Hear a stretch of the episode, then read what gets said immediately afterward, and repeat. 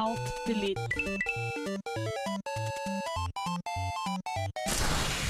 Unable to comply.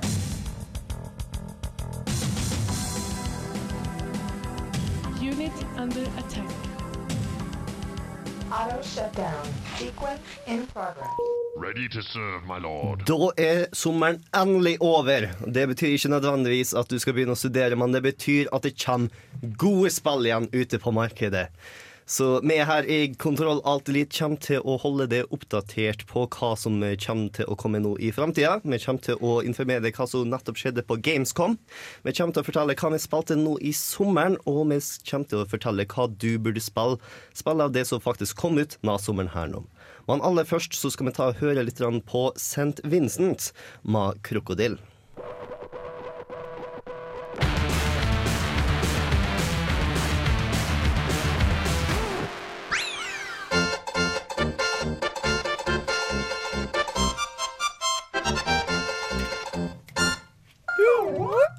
Og der er, vi, der er vi tilbake. Jeg heter Bård Asta, og i dag så har vi med tre lystige karer. Jeg har med Mikkel Berg, som kan høre le i bakgrunnen her nå. Jeg gjør ikke annet enn å le i bakgrunnen. Nei, det gjør du ikke.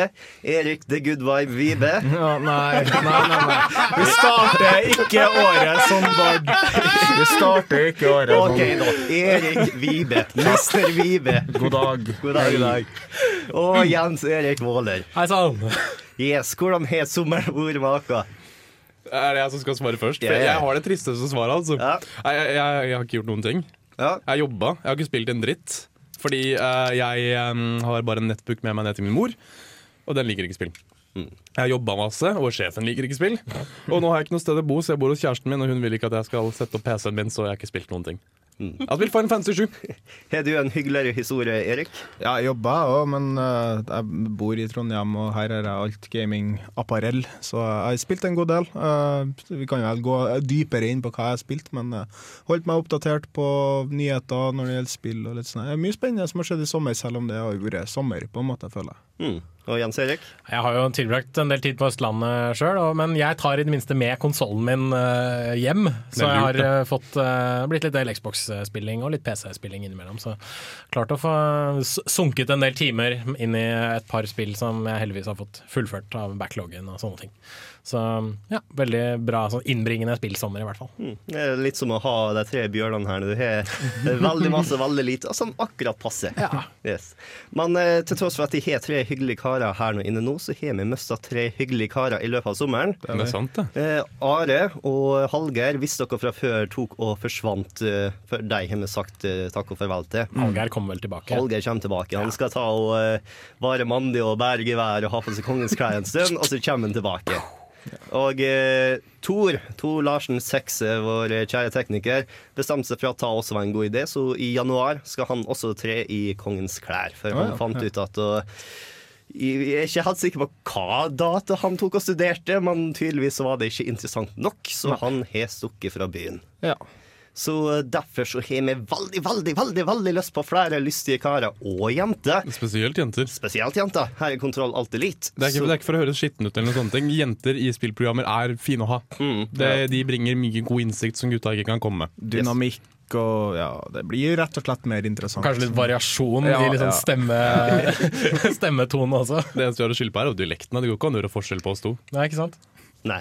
Og eh, vi kommer til å ta opp hele to nye personer, så dere kan ta og fare inn på eh, samfunnet.no og klikke på opptak der nå, så kan dere søke på Kontroll Alt Elite.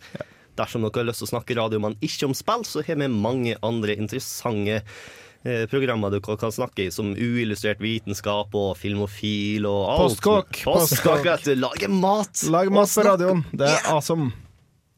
Men eh, nå tror jeg at vi har tatt og snakka nok om hvem vi er, altså der nå. Så vi skal ta og eh, begynne å snakke om hva som har skjedd i løpet av sommeren. Nærmere bestemt Gamescom, som vel er ganske nylig nå i sommeren. Og aller først så skal vi høre på Blood Diamonds med Phone 6.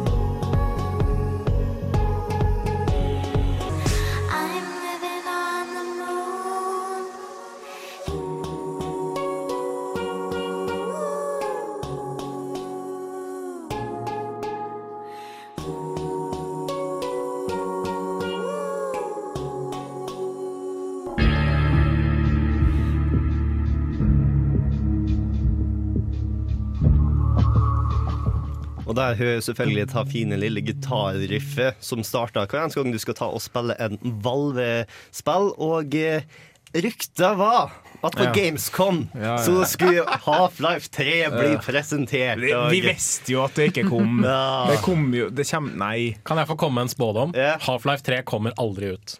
Jeg kan faktisk jeg har en teori, skjønner du. Jeg, jeg er helt med deg på at det sannsynligvis så kommer det aldri ut.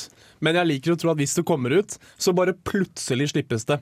De reklamerer ikke for det, det er ingen PR i det hele tatt. Det er ikke noe forhåndsbestilling på Steam, ingenting. Det bare er der plutselig.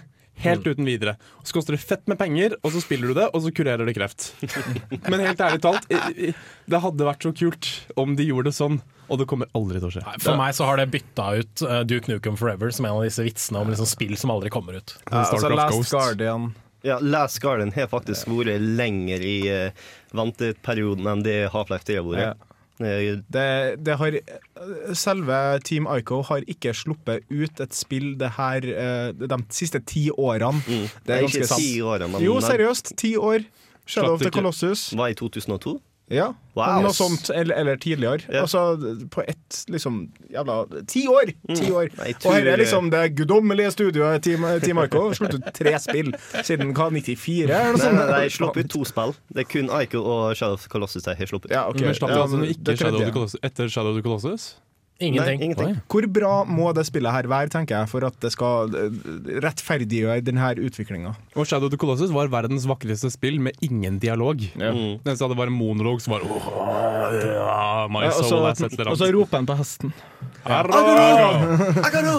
Men uh, det jeg skal jo si, uh, hvor festlig har det ikke vært om de har kommet ut med Half-Life 3 på TGS? Tokyo Game Show, for dere som ikke vet det, som er kun japanske spill. Så Valve liksom frir til Japan med Half-Life 3 og har sånne digre øyne på Gordon Freeman. Men jeg skulle, jeg skulle egentlig likt å se eh, Half-Life 3 i f.eks. Killer 7-stil. Ja, det har vært best, men det, det har ødelagt litt av sjarmen med på en måte serien. for Jeg, meg. jeg er egentlig styggelig redd for at vi kan få en nok en Windwaker her. Et eh, Hva skal jeg si? Vi, Selvshada Half-Life. ja, et Half-Life med veldig mye kunstnerisk frihet. Nei, kjør på, altså. Det blir spennende å se. Valve vet hva de driver Så lenge det kommer. Men nok av det som ikke ble annonsert, og mer på det som faktisk ble annonsert. For eh, mens E3 i år var veldig veldig masse titler som var oppfølgere og ikke nye IP-er i det hele tatt, så var det overraskende mange nye IP-er som ble annonsert nå på denne her nå, eh, Gamescomen. Sony spesielt slapp ut en hel haug med ganske kule små titler som kommer til å komme ut på PlayStation Network og Vita, som er ganske interessante. Er det noen som har noen favoritter der nå? Jeg så jo over uh, Sony sin pressekonferanse, og den så jo veldig solid ut. Altså. Det, det virker som de var liksom eh, Det var vinnerne av showet, men det som på en måte tok over litt for mye på Gamescom, syns jeg var det der mann versus maskin, eh, Team Fortress-greia, som liksom var den store nyheten.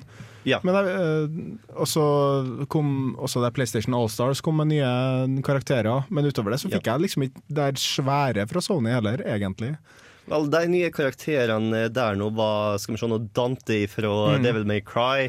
Det var Sackboy, det var Ratchet Clank, og det var én til. Husker noen det? Kommer ikke på. Nei. Det var i hvert fall en kul karakter, men jeg husker. Ja.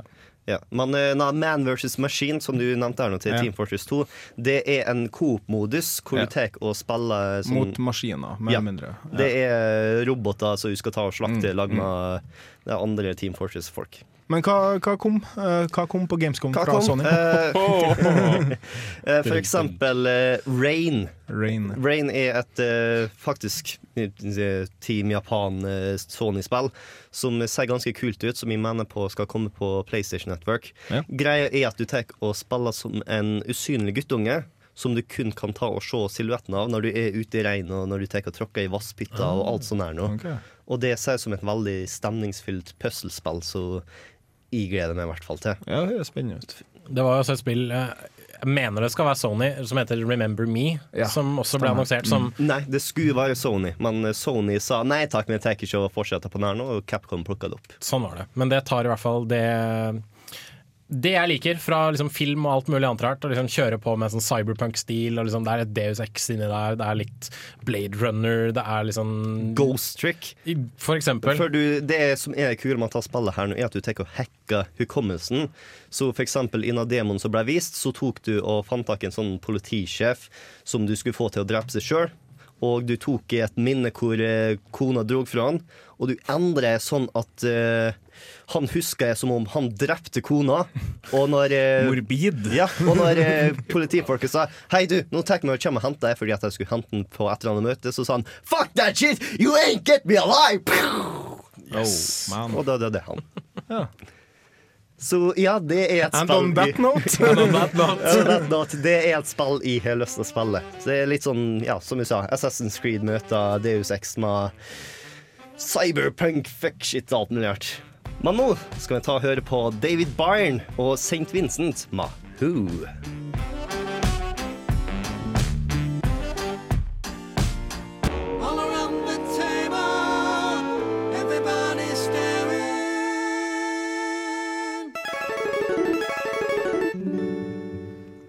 Men eh, det er mer som ble annonsert på Sony sin eh, pressekonferanse. Blant annet Until Dawn, som eh, folk kanskje er litt skeptiske til, siden det er et move-spill. Men det er et skrekk-move-spill, hvor eh, move-kontrolleren din er eh, lommelykta di. Og det syns ser ganske kult ut. Ja, eh, det, jeg, jeg syns at dette på, måte, på mange måter har blitt sånn The Summer of Slenderman. eh, som, har- Ja, ja, ja, ja, ja. Altså, det har vært så mye videoer om det, og det har vært så mye pass om det spillet. Å, jeg har sett Eh, Slenderman. ja, du har sett Slenderman. I, I, I, Jeg har bare sett gameplay av spillet, for igjen, Ja, ja, ja. jeg vil spille det snart. Jeg får vondt. Ja, det, det klør sånn- i armene mine. Sånn som at Amnesia var spillet i fjor, så er liksom Slenderman blitt spillet i år. Å, som det er ser liksom, eh, her er reactions som vi legger ut på YouTube, og folk er skremt, og det er skummelt alt sammen. Eh, så jeg syns liksom eh, Det er alltid plass til i hvert fall ett horrorspill hvert år, syns Ja. jeg, og folk tar helt av for det. Jeg så, jeg så uh, to karer i IGN som satt og spilte Slenderman og sånn Well, did you guys know that Slenderman had his origin at the Something Awful Forums? I did not know that! Så sitter de der, det er kjempeseriøse, og så plutselig så blir de helt stille. Og så sier de shit, he's right there. Og så løper de. Så, jeg, jeg sitter på jobb. Og jeg har ikke mange folk rundt meg når jeg har jobbet, men jeg satt og så den da fordi jeg hadde litt dødtid. Og jeg ble vettskremt, jeg spilte ikke engang. Ja, og det er elendig grafikk, Ja. men, eh, men jeg satt og hamra på pulten, for jeg kunne ikke hamre i tastaturet, for da stoppa videoen. Men gud bedre, det var skummelt, altså. Jeg er ikke lettskremt. For dere som ikke vet det, Slender er et skrekkspill som du kan ta lastene gratis på PC-en. Så det er ikke mer sånn 14 mega eller noe som det er nå. Hvor du er en person som har lommelykt midt i en sånn skog, og skal ta og plukke opp åtte papirlapper. Og så kommer det The Slenderman gående bak det, og du har virkelig ikke lyst til å se på en kar, for blir du gal alt mulig rart, og det er skummelt! Og det varer i fem-ti minutter. Ja. Og så er det ferdig. Og det, det, det er ytterst få som har klart å runde det spillet her. Det, det, du kan runde på fem-ti minutter, men det er vanskeligere enn det fordi at du blir lett desorientert, og lommelykta i dør og alt mulig rart. Kanskje vi skal komme litt tilbake til saken. Litt tilbake. Uh, Until Dawn er noen som har trua på dette nå, for jeg har hatt trua på altfor mange både Kinect og Move-spill, og så har jeg datt gjennom sånn som da eh, Steel Battalion som ble skit nå nettopp. Altså, jeg føler at det blir veldig naturlig å ha moves eh, som ei lommelykt. Altså, du vet på en måte at du skal snike deg rundt et hjørne, og du har lyst til å ta lommelykta her, men du vet også at det kommer til å skje et eller annet, og bare faen! Og så bare gjør du, og så kommer det noe grusomt, og så blir du vettskremt og slipper move-kontrolleren. Men noe sånt nå har jo allerede blitt gjort på Wien, og jeg mener jo at Move-kontrolleren er akkurat som WeMoten. Og kan da liksom bare bedre hardware gjøre at spillene blir bedre av den grunn? Det blir jo bedre grafikk, da. Ja, men bortsett fra det, liksom. For å svare igjen til Erik, nei. Project Zero 3 hadde litt samme approachen som Erik sa. Du vil ikke se, men du må se. Project Zero var et tredjepersons uh, japansk survival horror, survival horror. Og det er alltid skummelt. Eh, men du kunne gå i førsteperson ved å ta opp et kamera. Og dette kameraet kunne se spøkelser fordi at Ja, shit, det der, ja, det all. Japanese. Ja. Og på veldig mange tidspunkter der så må du kikke et sted, for du må få med deg et clue for å komme deg videre. Og du bare vet at du kommer til å skvette, og du skvetter enda hardere. Så nei, hardware er ikke viktigst her, altså. Det er gammel mekanikk, men at folk utnytter det på den måten, synes jeg er bra. Atmosfære er viktigst. Ja, og eh, jeg tror ta spillet kan bli bra, for det ser bedre ut enn mange av shovelware horror-spillene som har tatt og satt på Wien, dessverre. Men nå skal vi ta og høre på Burness med 'Marsh to the Sea'.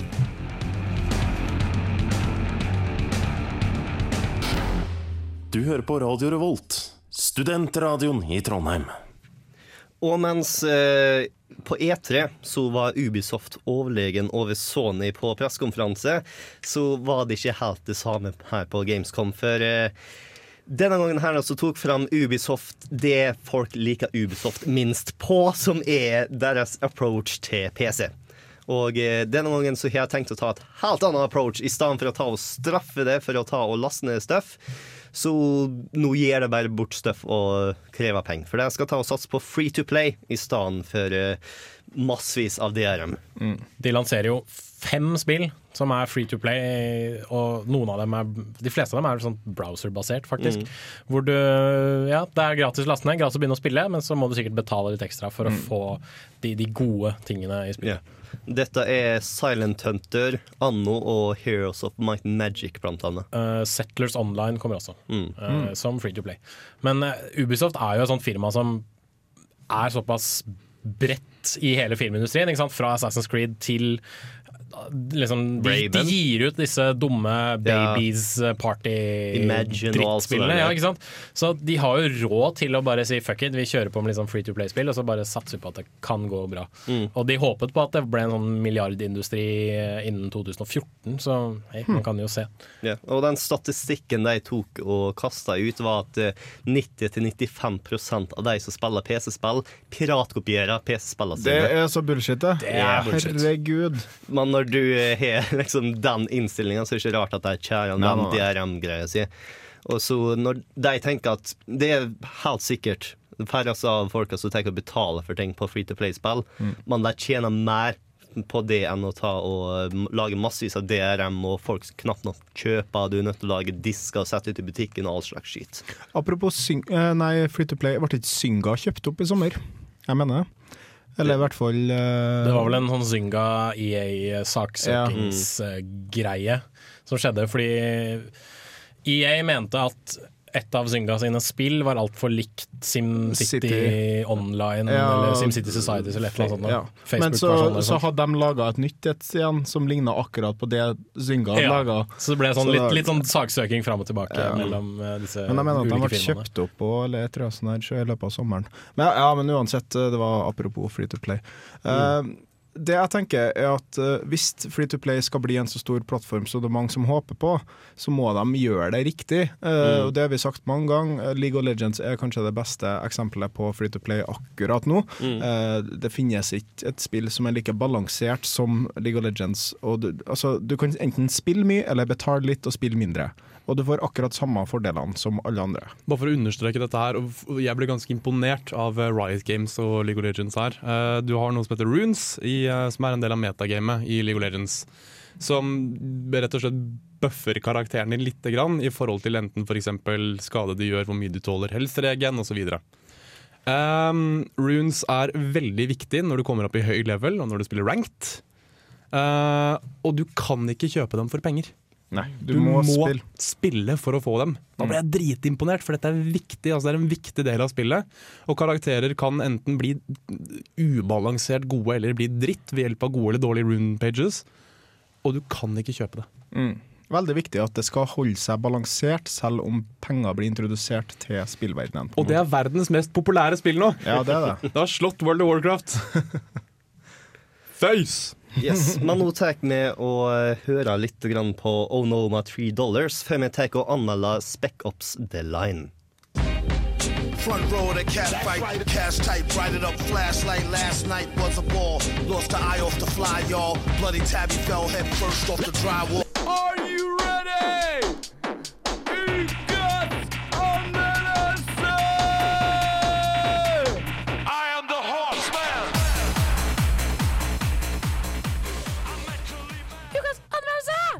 Her får dere anmeldelsen av PC 360 og PlayStation 3-spillet Speckups Ops The Line, som kom ut nå i løpet av sommeren.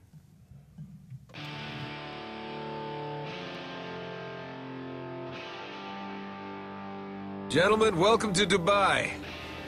Yep. Still dead. Yet to be seen, Sergeant. Etter at oljesjeikbyen Dubai blir svelget av en ørkenstorm, sender det amerikanske militæret inn styrker for å forsøke å evakuere innbyggerne. Dessverre blir de sjøl fanga av byen de prøver å hjelpe. Etter et halvt år med radiostillhet blir et lag med Delta Force sendt inn for å lete etter overlevende. Det de finner, er desperate mennesker som kjemper seg imellom for å overleve, og som ikke er spesielt glad for å bli møtt av sine såkalte redningshelter. We're looking for survivors. Well, you found some. It's a bitch, ain't it? Spec Ops The Line er kanskje et krigsspill, men det gjør det ikke til en generisk Call of Duty-krone, på tross av hvordan spillet presenterer seg sjøl. Spillet er et coverbasert tredjepersons skytespill som dessverre ikke gjør noe spesielt banebrytende med gameplayet. Gameplayet er heldigvis bunnsolid og uten irritasjonsmomenter, og det har også et par særegne gimmicker, men de er dessverre altfor lett å glemme i løpet av spillet. Dette er riktignok enda en konflikt i Midtøsten mellom arabere og amerikanere. Men siden det er satt i milliardærbyen Dubai, så har spillet masse mer variasjon i omgivelsene sine enn de trause krigssonene motpartene kan tilby. Og det som en gang i tida var forskjellige palass og femstjerners hotell, forteller nå tause historier om hvordan et ørkenparadis ble et helvete begravd i sand. Yeah, it's quaint. Very post-apocalyptic. Og det er nettopp historie og historieformidlinga som virkelig skiller Spec-Ops fra røkla. Spillet gir krig all den tyngden og jævelskapen som krig fortjener, og som de andre spillene skyr unna. Når spillet gir det moralske valg, så er det ikke mellom et klart godt og et klart ondt svar, men mellom to onde. For i dette spillet er all moral grå, og du ser linjen først når du har passert deg. I did what was necessary. I kept us alive. Now I don't want to hear another word about it. You got that? Hovedtyngden av historien blir båret av de tre Delta Force-soldatene. Det laget som går inn i Dubai, er ikke de samme personene som du sier farvel til i slutten av spillet. Du ser hvordan all drepinga og jævelskapen går inn på de tre soldatene, og uten å gå i for masse i detalj, så vil jeg si at spillet har en veldig god representasjon. Historia blir fortalt gjennom en seks timers gjennomspilling, og selv om spillet er verdt å spille gjennom to ganger, så har jeg problem med å anbefale spillet til fullpris pga. dens korte lengde og allerede døde multiplayer. Dersom du kommer borti dette spillet til en pris du er komfortabel med, så burde du kjøpe det. For dette er et spill verdt å eie. mer mot de beste krigsfilmene fra 80-tallet, som Platoon, Full Metal Jacket og Apokalypse nå. Et krast syn på krig, hvor all moral er grå, hvor ære er et naivt ideal, og hvor det ikke finnes et godt svar på hvorfor vi dreper hverandre. Dette er et spill som behandler krig som krig, og ikke som lett underholdning. Karakter 8.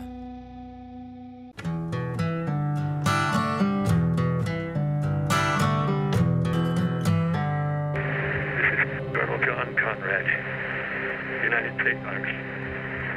Has the evacuation of Dubai ended in complete failure. Death toll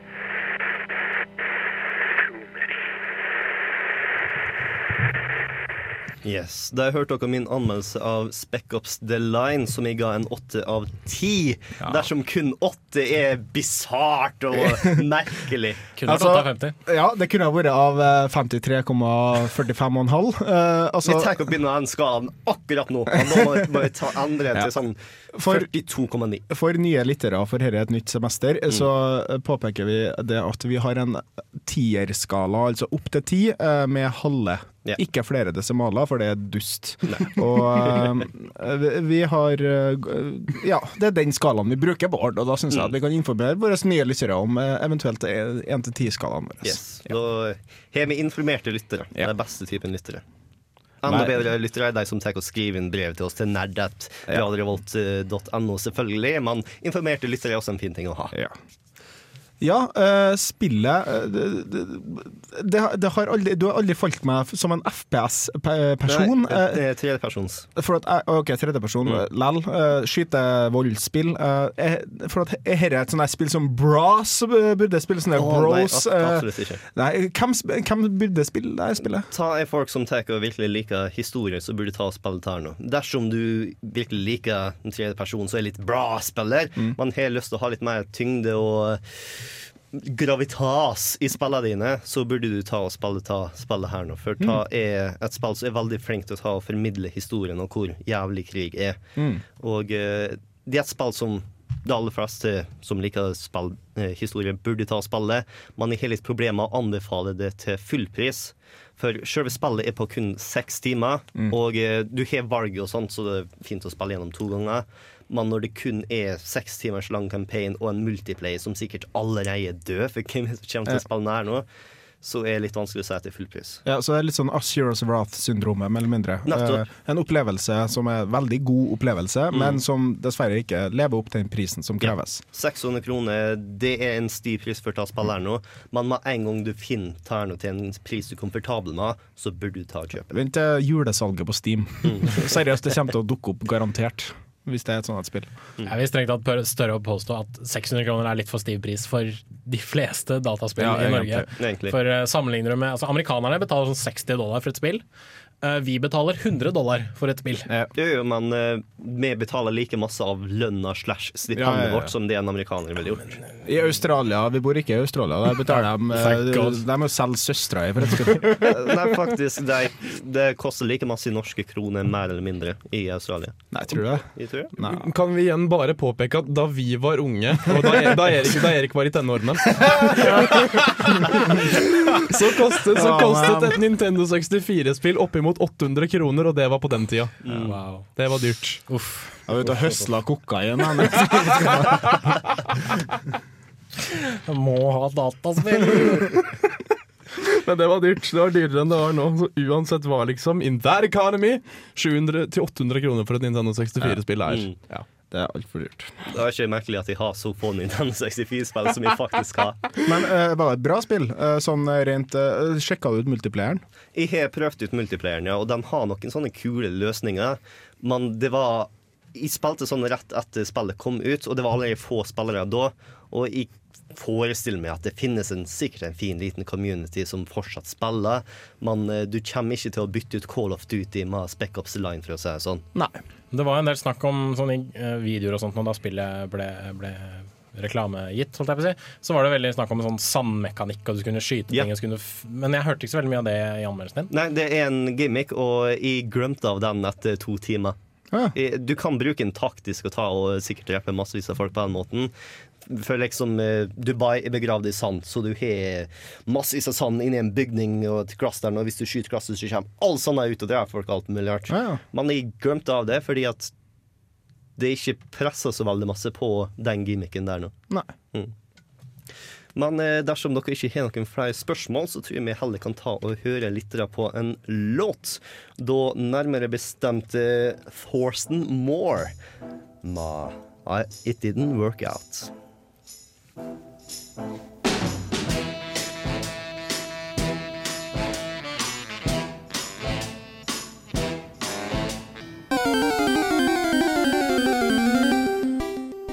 Visste du at Nathan Drake fra Uncharted Ah, thanks, everybody. Guess I'm gonna go drink my own pee now. Deadpool fra Marvel vs. Capcom And remember, viewers, I'm available for Black Ops missions, assassinations, and birthday parties. The Penguin i Arkham City Anyone want a slightly used batsuit? I'm sure the blood will wash off. og Space Core i Portal 2 So much space. Need to see it all. er stemmegitt av samme mann. Nolan North, mannen med de tusen stemmer, er å høre i de aller fleste dataspill i nyere tid. I did what was necessary. I kept us alive. Now I don't want to hear another word about it. You got that? Han er mest kjent for å spille fyrer som takler uvanlige situasjoner med en god dose sarkasme, men dukker også opp der du minst venter det. We're too late. It's time to drop the Doom Hammer on you. Uh, the Doom Hammer of Doom upon you. And let's just dance, baby! Du kan knapt kaste en stein inn i en spillsjappe og ikke treffe et spill der Nolan North har en stemme. Uncharted 2. Among Thieves to be fantastic. I wasn't invited. I wanted to play Lazarevich, bad guy. Point is, bam! Wow! Sometimes I'm afraid of manatees. Dirty. Little things. Der hørte vi Jens Erik sin lille random encounter med Northern North, og han bestemte seg selvfølgelig for å gå ut av studio og ta en telefon akkurat da. Men vi har selvfølgelig alle sammen her nå et godt forhold med Northern North. Er det noen som har en favorittrolle han er med i? Nei, altså Han er jo kanskje mest kjent for, uh, for eh, Nathan Drake. Nathan Drake i Uncharted. Jeg har jo ikke spilt de spillene jeg er så dårlig, jeg. Men uh, det er jo et sånt navn som du hører alltid da eh, i spillsammenheng. Mm. Når det gjelder liksom, ah, han skal få den stemmen, og det har nesten blitt en meme, liksom, Mm. at han faktisk uh, stemmegir de fleste spillene. Ja. I enkelte spill så kan han ta og snakke til seg sjøl, om seg sjøl, fordi at han har så mange folk som er stemmegitt. Ja, og det samme Ellen Page har på en måte tatt den rollen nå som hun dama i spillene. Uh, hun som nå får den der nye Åh, hva heter den? da? Uh, Beyond the Two Souls. Ja, Mm. og hun har jo tidligere også blitt uh, casta for et spill, og skal ha et spill liksom i horisonten som hun skal komme til nå. Det er liksom, Mm. det er liksom Når spillindustrien tydeligvis finner noen de liker, så bruker de dem veldig mye. Ja. Nå skal det nevnes at det er en som brukes oftere enn Nolan North. Han heter Steven Bloom, og han har Guinness-rekord i eh, antall appearances i et dataspill. Eller i ikke dataspill generelt. Det er, når du skal ha sånn skikkelig grøff stemme, sånn som det er nå, så er det Steve Bloom du har tak i. Han har blant annet stemmen til Wolverine. Nei, ok. Mm. Det visste ikke jeg. Nei, men når vi snakker om grøffe folk, så har du en fin liten konkurranse til oss. Ja, eh, forhåpentligvis så ordner vi eh, Darksiders 2 til neste uke, og da lurer vi på eh, Selvfølgelig da så har Death hovedrollen der, War var hovedrollen i eneren. Hvem er de to andre ridderne av apokalypsen? Og om du skulle ha hatt fire riddere for din apokalypse i din da hverdag, hvordan fire riddere har det vært? Vi foreslo Tidligere så foreslo vi eh, oss imellom da eh, ridderen for Wifien som detter av på femma til Dragvoll og Glasshaugen. Eh, det har vært en ganske grusom apokalypseridder for enkelte Dragvoll og Glasshaugen-studenter. Min er så desidert bussjåføren som ser at du kommer løpende og sånn, til bussen du egentlig rekker, men som akkurat lukker døra og rister på hodet og blir sur når du gir ham fingeren. Og, og hesten hans er selvfølgelig grønn. Ja, og eh, jeg tenker også på en måte For at vi snakka om Terry Pratchett, og han har en haug med sånne her The, the Horseman of Minor Inconvenience og sånne ting. Eh, så om du har lyst til å skape eh, hesten, nei, ridderen som er kebabkøa på Sesam klokka halv tre, så gjerne gjør det. Og send dine forslag inn til nerd at radiorevolt.no, så kanskje du blir en heldig vinner av Darksiders 2. Vel, som en som ikke er ny student i Trondheim eller fadder, så har jeg blitt besøkt av ridderen av fadderuke og Oh man, that's a tough son of a bitch. Nei, det finnes mange å ta ta velg av, eh, så hvis du bare kommer på et godt forslag, send inn nok en gang nerd.radiorevolt.no. Du kan også besøke oss på Facebook på Radio Revolt presenterer Kontroll alt delete. Og du har selvfølgelig ikke nødt til å ta og skrive om konkurranse dersom du har lyst til å snakke med oss på Nerd1, for vi er veldig åpne til leserbrev der nå. Lytterbrev. Lytterbrev. Vel, du må sikkert kunne å lese også, men ja. Du leser jo ikke radio. Nei. Brev. Brev. Ja, folk, mail, alt mulig rart. Men nå skal vi ta og bevege oss inn i andre time, hvor vi kommer til å både snakke om spill vi har spilt denne sommeren her nå, og hvilke spill du burde spille som har kommet ut fra denne sommeren her nå. Eh, vi har allerede snakka om Spec Ops The Line, som selvfølgelig er en kandidat der nå, når den fikk eh, karakter 8. Men eh, det er ikke de eneste spillene som har kommet ut. Er det noen som har noen stikkord? Jens Erik? Batman. Jeg kan si Ork Must Die 2. Mikkel? Fikk ikke lov til å sette opp PC-en min. Nei, det stemmer. Ja. Bård? Og, og motorsag. Mm. Oh. You Batman don't know motorsag. Jack. You don't know Jack. Yes. Ok, Dette blir en spennende andre time. For så vidt så må du også vite at andre timen er vår podkast-time. Vi tar eh, lengre eh, Hva skal vi si Vi paus- prater mye Ja, vi prater mellom sang- mye mellom mer låtene. generelt, egentlig. Sånn at det blir litt mer sånn podkastvennlig, som du kan høre på i skolehverdagen din, eller når du enn føler for å hø høre på podkast. Og så snakker vi alltid om det vi har lyst til å snakke om. Istedenfor det Og vi spiller, må. den, og spiller den musikken vi har lyst til å spille. Ja, og så skal vi også gi et tips om hva du kan kjøpe eh, nå med det store, fine stipendet som du får. Yes, selvfølgelig. Og eh, vel, nå er vi i en sånn teit situasjon hvor vi har litt tekniske problemer og ikke vet nøyaktig hvor masse tid vi har igjen, så vi bare prøver å få ut den tida Og Nå hører jeg musikk i bakgrunnen. Yes! yes, Det betyr at nå er første time over, og du hører på Thai Seagull Band. Her er studentradioen! Hei!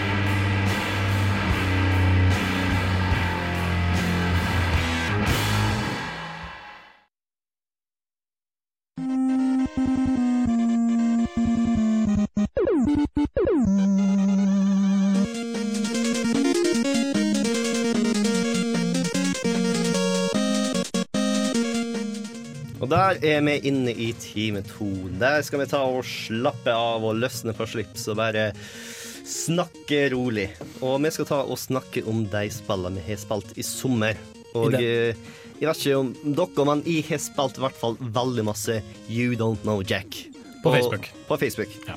nå, nå, nå, ikke ta og frike ut meg. Nei, men du, jeg så det der, og jeg stussa så gærent. Liksom, hva holder han på med Facebook-spill?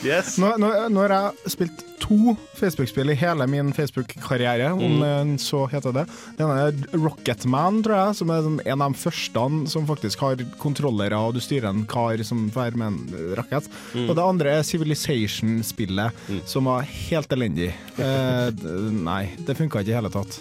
Men dette funker. Ja, eh, jeg vil ta og påstå at eh, Facebook i seg sjøl ikke er en dårlig plattform for spill, men det er en plattform som for det meste har dårlige spill. Det kan jeg. Og You Don't Know Jack er ikke en av dem. Jeg er veldig glad i You Don't Know Jack. Det er mest sannsynligvis det spillet jeg har spilt aller mest nå i sommer. Kanskje ikke sammenlagt, men flest dager så har jeg spilt You Don't Know Jack. Fordi at hver eneste dag så får jeg en gratis runde med trivia. OK.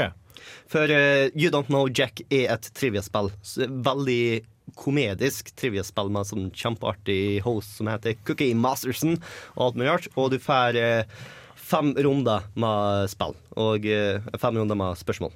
Om ikke må du betale. Eh, Du kan ta og betale sånn 20 kroner for 15 eh, runder til hvis du har lyst på det, men du får en gratis runde hver eneste dag. Og hvis du ikke føler for å ta, og, ta en runde den dagen, så er det like greit å bare gå inn på You Don't Know Jack, ta og få den runden, og så spare den til i morgen. Ok. Mm. Derfor så har jeg nå fem runder som venter på meg den dagen. Jeg bare sånn ah, nå, nå har jeg lyst til å spille You Don't Know Jack. Varer en sånn runde lenge? Det minutter. Fem-ti Kanskje? minutter. Ja. ja, så det er ganske mange spørsmål i en sånn runde? Ja, eh, det, vel, det varierer fra runde til runde. For eksempel en kategori er this or that, hvor du har to forskjellige ting som utsagnene kan være, og du må ta trykk på én eller to. Så det er for eksempel eh, Tom Cruise-filmer eller en cruise liner Yes. okay. fra et spesifikt firma. Mm. Mm. Og så må du gjette. Ok. Den har de også hatt i det spørreprogrammet som Jimmy Carr hadde. Der fikk du veldig typisk sånn Ja. den typen trivia. Det er litt sånn eh, type eh. Og de kan, de kan innlede kategori med et eller annet sånt tullenavn. Og så er det spørsmål som er kanskje koblet til ett ord i kategorinavnet. Mm. Uh, så det blir veldig morsomt til slutt. En Og de klarer å holde seg ganske topical også. ja. En kategori for eksempel er Elephant Mustard, Teddy Roosevelt Og Dracula. Hvor eh, de fire svaralternativene er elefant, sennep, Teddy Roosevelt og Dracula. Dette høres ut som et spill jeg kunne tenke meg å spille på er Facebook. Mm. Men er det sånn at du faktisk klarer å deduktere deg fram til svaret, eller er det sånn at du nesten bare må gjette enkelte ganger? I, eh, det varierer. Det enkelte er sånn at de, har triviaen allerede inne, og andre ganger er sånn Det ser mest sannsynlig ut, så jeg venter til tida går litt ned, så jeg ikke mister så masse poeng dersom jeg tar feil, og bare okay. Og som oftest svarer feil. Ja. Ja, ja. Men det er også kult at siden det er på Facebook, så tar du på en måte å spille mot andre spillere. Eksempel Jens Erik og jeg har ofte datt inn i hverandre sine spill, så da kan jeg se uh, hva Jens Erik svarer riktig, og hva Jens Erik svarer feil, og så blir en av oss over den andre og kan sånn Jeg må dessverre se meg slått i det at Bård vet mer liksom, popkulturell trivia enn det jeg gjør, stort sett. Ja. Det er liksom, hver gang jeg spiller mot Bård, sånn tilfeldigvis, så er det alltid jeg som taper. Ja. Men jeg gjør det veldig bra ellers. Det merkelige er at hver gang du har spilt først, og jeg spiller mot du, så vinner du. Jeg tror det kanskje er sånn sånn Å nei! Fuck! Må ta og vinne! Ah! Så ja, You Don't Know Jack. Gratis på Facebook. 20 kroner, så får du eh, spille enda mer, men du har ikke nødt til å betale en, en eneste krone om du ikke vil det. Hva med ordentlige spill? Har du spilt noe ordentlige spill? Vel, jeg har spilt uh, Speckups Line, og jeg har spilt Slender. Jeg har, Ok. jeg lyst til å høre min Slender-historie. Ja, for. Yes. Greia er at uh, i uh, juli måned så eh, levde jeg alene i leiligheten fordi at alle sammen har flytta fra meg. Så jeg har ikke sett en eneste person på to dager. Begynte å bli litt sær i huet og bestemte meg for å spille Slender. Alene i et stort rom, i et hjørne så jeg ikke kunne se hvor døra var. Jeg skrudde av lyset, selvfølgelig, og begynte å spille. Og jeg skremte meg sjøl med å ta og skrike ut og høre ekkoet av skriket mitt og bli enda mer freaka ut. For uh, Takk, tekniker. For uh, ja, Slender er et veldig skummelt spill, spesielt når du tar og sitter alene. For det å ta og sammenligne med Amnesia er ikke feil. Amnesia så kan du ikke ta og beskytte deg sjøl. Du har en liten lyskilde så du tar og kan se med alt mulig rart. Men det Amnesia er så masse Amnesia er masse hyggeligere enn Slender, fordi at Slender stopper aldri. I Amnesia så kan du ta sette deg i et hjørne og bare puste rolig ut. Du kan ta trykk på pause i Amnesia Ja. og roe ned. Det får ikke lov til i Slender. Ah. Trykker du på pause i Slender, så avslutter du spillet. Okay. Og Slenderman følger alltids etter, så kan ikke stanse og ta puste i bakken på Slender, altså. Nei, sånn som jeg forstår det, så hvis du skal slå spillet, så må du Mm. bare gå, gå, gå, gå, gå. Spare litt stamina hele tida, sånn at du Mm. kan springe hvis den er veldig nære. Ja, fordi at eh, det er Du er i en skog med Mm. veier og sånn her nå, og så er forskjellige landemerker, f.eks. en hytte der nå, og Mm. noen biler der nå. Min Og det- favoritt er badet og dusjene. Ja, og det er kjempeartig å ta og fare inn i så trange korridorene der nå, for hvis Slenderman dukker opp da Du er så fucked! Du er så fucked! Ja, og så er det også sånn at eh, de gjør det litt uh, bra med å bare stikke sånn at du ser handa hans på sida av et hjørne, og så snur du deg, og så er den borte etterpå. Ja. Liksom. Det, er sånn, ja, det er godt gamedesign, rett og slett. Og det som er med Slenderman, er at han aldri dukker opp foran det. Han er alltid bak det. Så eh, det er sånn forferdelig bare sånn Fortsett å gå, fortsett å gå. Ikke snu tilbake! Men jeg vil vite hvor langt bak han er. Ikke snu tilbake! Ja. Nei, det, det var et festlig spill. Eh, jeg har ikke spilt det sjøl, men jeg så videoer og skjønner på en måte hele opplegget. Og jeg liker i utgangspunktet ikke sånne spill. Nei, ikke Eh, heller. sånn- Jeg takler det ikke. Nei, jeg takler ikke. Resident Evil 4 engang. Nei, ja, det er også kult! Du, hei, altså, det går greit. Når du kan Jeg er en feiging, altså. Jeg står for det, virkelig. Når du kan skyte tingen, da er det greit. Men sånn, bare å utsette seg sjøl for selvtortur på den måten, det er ikke meg. Det Jeg, jeg, jeg ser på det som en manndomsprøve. Det er ingen achievement jeg har fått som jeg er mer stolt av Du kan ta med må ut- spille Amnesia i mørkene med hodetelefoner alene. Jeg kan ta deg meg ut i skogen og lære deg å sløye fisk. Det er manndomsprøve. Ok, ok. Det er sånne ting vi gjør i postkokk, så søk postkokk. Søk postkokk, folkens. Yes. Men eh, har du spilt noe som er en manndomsprøve, da? Eh, Orcs Must Die 2. eh, kanskje ikke manndomsprøve, men jeg syns det er festlig. De tar det artigste fra Orcs Must Die 1 og gir deg coop og flere traps og flere skills og et ødelagt leaderboard, dessverre. Mm. plutselig så er en eh, Boris Jeltsin på førsteplass med fire milliarder poeng, og da skjønner jeg liksom Nei, det, vet du, nei, jeg tror ikke noe på det. Men uh, utrolig artig. Uh, jeg savner litt den der uh, Brettene var kortere i eneren. Eh, Eh, Hva, hva sjanger er Orcs Must det er en tredjepersonsskyter, uh, Tower Defense-greie. Eh, du har en korridor som regel, eh, hvor det kommer masse orcs fra en portal, og de skal komme seg til en portal som er liksom den portalen du skal passe på. da. Og de kommer i masse forskjellige former. Noen ganger så er Mountain Trolls, liksom, og så er Earth Elementals. eh, Flyger, små drager, sånne små rotte mennesker som springer fort. De har masse forskjellige properties, da, kan du si. Og målet er at du skal sette opp feller til dem, sånn at de dør på veien og aldri når den portalen som du da eh, forsvarer. Og uh, dere kobla med at eh, han, eh, hovedpersonen er festlig og sier vittige ting. Sånn, eh, det var veldig aktuelt når det kom ut Orcs Must Die 1, for at da var jo midt i Charlie Sheen-perioden. Og, eh. Ja, altså etter at han har drept sånn her, fått en sånn kombo på over ti, så hører jeg bare 'winning'! og det var bare Du flirer av det, ikke sant? Og mye av det samme humoren er med i toeren. eh, Kanskje ikke like relevant, men fortsatt veldig festlig. Og det, det er bare et sånn herlig drep-ti-spill. Men jeg syns at brettene er litt for lange, for at nå kan de komme opp i halvtimen. Og egentlig har jeg lyst til at det skal være sånn 10 minutter, 15 minutter. Eh, for at det passer både intensiteten til spillet og at det passer på en måte det tidsperspektivet du har lyst til å bruke på en verden generelt. Og ta er kun på PC-en. Ja. Eh, det var snakk om at det skulle ha kommet til Xbox Live Arcade, men jeg vet ikke. Jeg tror ikke det. Er det Eh, nok til å ha sterk PC, eller ta sånn Nei. Veldig ålreit uh, sånn grafisk messig. Så du kan spille på laptopen i matpause også? Ja, jeg tror du skal få til det. Hmm, Mm. nice. Anbefales på det varmeste. Veldig festlig spill. Videre, Jens Erik, hva har du spilt? Å gud a meg, jeg vet liksom ikke hvor jeg skal starte. Um, jeg kan jo begynne litt ved begynnelsen. Uh, I midten av juni så Å hei! så måtte jeg, eh, måtte jeg jo ut og kjøpe det nye spillet til Suda 51.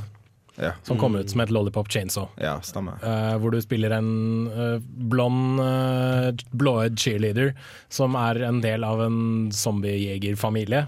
Og hun går rundt og dreper zombier med motorsag. Og så har hun kjæresten sitt hode Ja, for han blir bitt av en zombie, og så gjør hun et sånt magisk rituale på han. Og så kan hun liksom da kappe hodet av ham, da, sånn at han fortsatt innehar sin personlighet alt mulig sånt og kan snakke, men han er bare et hode.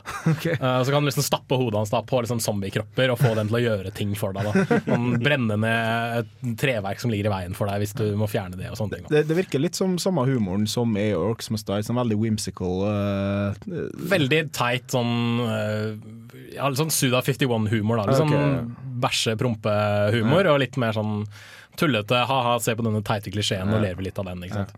Um, men allikevel et, et veldig festlig spill som har en utrolig kul sånn exploitation-aktig 70-talls, 80-tallsfilm, zombie-greie gående for seg. Og uh, selv om det kanskje ligner litt for mye på Shadows of the Damned. uh, i det Ja. at du Det var det en- spillet hvor du sprang ut med en diger penis, mer eller mindre. var det Ja. ja.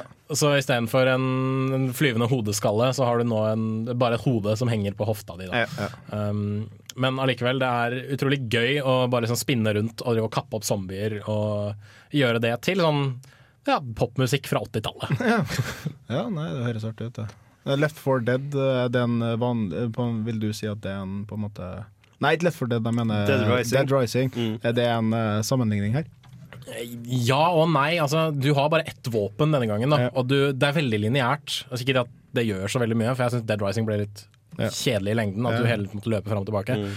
Men øh, jo da, i det at det er masse zombier som du må prøve å ta livet av hele tiden, og så må du redde overlevende og prøve å stadig komme deg videre og liksom bygge opp øh, våpnene dine og sånn. Mm. Uh, men uh, ja, alt mye annet rart. Lego Batman, Mass Effect 3, øhm, Civilization 5 fordi det var på salg på Steam-salget. Uh, masse, eller noen av disse Summer of Arcade-spillene. Jeg spilte Tony Hawks Pro Skater. HD, som viste Fikk seg dem til slutt soundtracket? Ja, Fikk- de det gjorde gjorde de. Det er masse Kult. kjente låter fra Pro Skater 2 og 3, men det er ikke spesielt bra, altså. Oh, nei. Det er liksom Jeg har veldig sånn kjente minner til Pro Skater-serien fra da jeg var yngre, men det er sånn eh. Mm. Du er sånn, ja ok, du flyr rundt på et område i to minutter, og det er akkurat nok tid til å ta kanskje ett eller to mål på en sånn objective-liste. Og så må du starte på nytt igjen. Mm. Og så må du gå på nytt og på nytt og på nytt og på nytt, og på nytt, og på nytt, og da blir du til slutt drittlei. Og soundtracket er såpass lite at det blir litt intetsigende sånn i lengden. Så han fikk ikke hele soundtracket fra eneren og Det er sånn halve fra toeren, så er det halve fra treeren, og så er det liksom et par nye låter. Og det som sagt, det blir veldig intetsigende og litt sånn kjedelig i lengden. Her snakker vi om et spill som nesten definerte musikksmaken til en haug med 14-15 år gamle gutter. Liksom. Og jeg synes det altså, Enten så skulle de hatt akkurat det samme soundtracket, alle låtene spilles på repeat, eh, randomizes og sånn der, eller så skulle de prøvd å funne noe tilsvarende eh, for denne generasjonen. Eh, det har vært den ypperligste måten å gjort dette spillet på. Mm, Det- absolutt. At det er halvveis, det syns ikke jeg noe om. Men eh, det beste spillet som kom ut fra Xbox Live Summer Arcade, det var denne spillet som heter Dust and Elysian Tale. Mm. Og hvis det er noen som har eh, lurt på oss for å kjøpe det, så anbefaler jeg det, fordi det er Jeg vet at det er en klisjé å liksom si ordet interaktiv tegnefilm, men det ser virkelig ut som en tegnefilm, for fyren som har lagd det, er animatør. Han har lært seg å kode dataspill rett og slett fordi han ville gjøre et dataspill ut av liksom, Mm. disse designene sine. Da. Så det er en sånn kul Metroidvania hack slasher-type greie, hvor du kan ta et hopp, og så kan du spinne rundt i lufta som en sånn dødsens tornado, og liksom bare dra opp masse fiender og få dem til å Er det dere spillet som ble eh, litt uh, bæsj på fordi at det var furries? Ja, altså alle figurene er jo dyr som har fått Animorphs menneske... eller noe? Ja, det er, det er dyr som har fått mennesketrekk. Da. Så det er, som, det er mus som går rundt på to bein og sånt. Ja, ja, okay. Men, og, så ja, det er sånn furry-aktig, men for meg så brydde det meg strengt tatt ikke. det er jo-. Donald Duck og furries. det Ja, ikke sant? Og det, en ting jeg har lært av internett, er at det er alltid noe noen kan onanere til uansett. Så bare si fuck it. Og liksom, Spill et bra spill. Ja, spill et godt spill. Og så lenge du ikke skader andre med den seksuelle fetisjen din, så driter jeg i det, altså. Kjør på. Men du har tatt og funnet tak i en god del spillmusikk. Det er jo Jens Erik. Ja, det har jeg også, for eh, ja, litt inspirert av eh, ting jeg spilte i sommer. Og som nevnt, jeg spilte Mass Effect 3. Jeg likte det veldig godt. Jeg likte til og med slutten, selv om alle andre, alle andre i anførselstegn. Hvilken slutt var du spilte da? Var uh, det den nye slutten? Nå er det noen Nei, jeg spilte først den originale. Mm. Og så valgte jeg eh, jeg, vet, jeg skal ikke avsløre noe, for det er folk her som ikke har spilt Mass Effect 3. Men eh, jeg gjorde et valg. Mm. Og så fikk jeg en, det jeg mente var en veldig tilfredsstillende slutt. Og så spilte jeg extended cut. Og så fikk jeg en slutt som var egentlig hvor de sa ganske eksplisitt det jeg allerede hadde De konklusjonene jeg allerede hadde trukket. da Mm. Så den extended cutten Jeg skjønner at noen er veldig fornøyde med den og tenker at alt blir forklart, tjoho! Men det var ting som strengt tatt ikke trengtes å forklares Mm. i det hele tatt. da Syns jeg, i hvert fall. Men eh, noe jeg hang meg veldig opp i i Mass Effect, var musikken, rett og slett. For de har De, de gjør en sånn greie som det, det blir litt sånn kjipere, men på en bedre måte. Altså Musikken er veldig lavmælt, den er veldig trist, veldig sånn melodiøs, og liksom pianoer og strykere og sånt. For dette er jo en krig, og alt går jo til helvete, og folk dør jo både til høyre og venstre.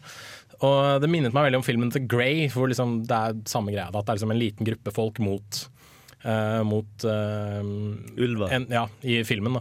Men mot en trussel som de helt ikke kan forstå, og som de prøver å komme seg unna eller slåss tilbake mot, og så klarer de ikke alltid det, da. Så jeg har rett og slett valgt uh, dette ending-temaet, en end once and for all, fra Mass Effect 3 til eh, første låt ut. For jeg syns det rett og slett er en utrolig nydelig låt, og det satte en utrolig bra punktum på det som var Mass Effect 3.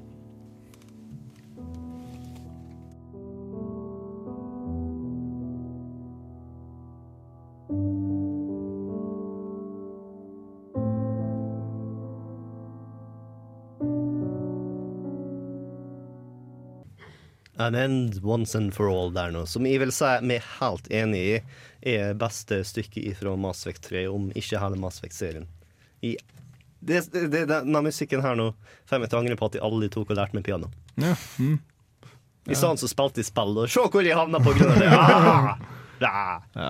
Yes, mann Mikkel, du, du har ikke spilt like masse som oss, men du har spilt! Ja, og her er greia. Uh, jeg har levd et kjempetrist liv, liker jeg å fortelle folk, for da får jeg sympati og laughs fra Bård, som er skadefro. Nei, nei, nei, nei. Fuck deg, jeg er et sted å bo, det har ikke du. Jeg er et sted å bo, det har ikke du.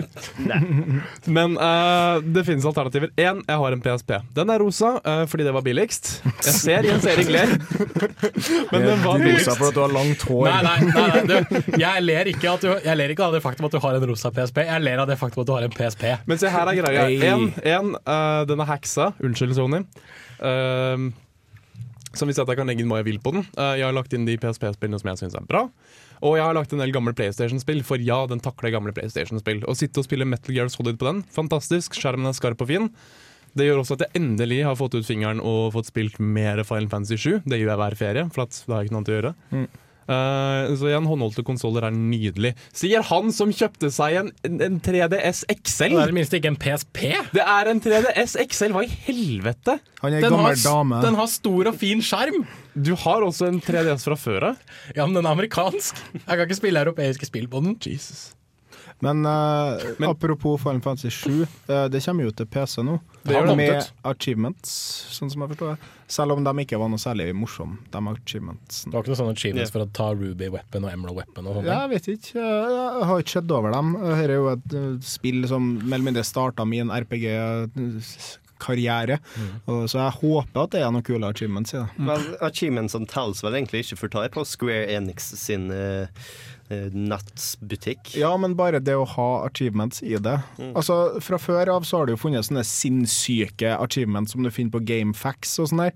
Sånn der eh, No materia, one person, uh, only potions uh, playthrough, liksom. Disse menneskene kaller vi gærninger. Ja, de er helt tullete. Herregud. I et spill som Final Fantasy 7 som er såpass komplisert i forhold til gameplay.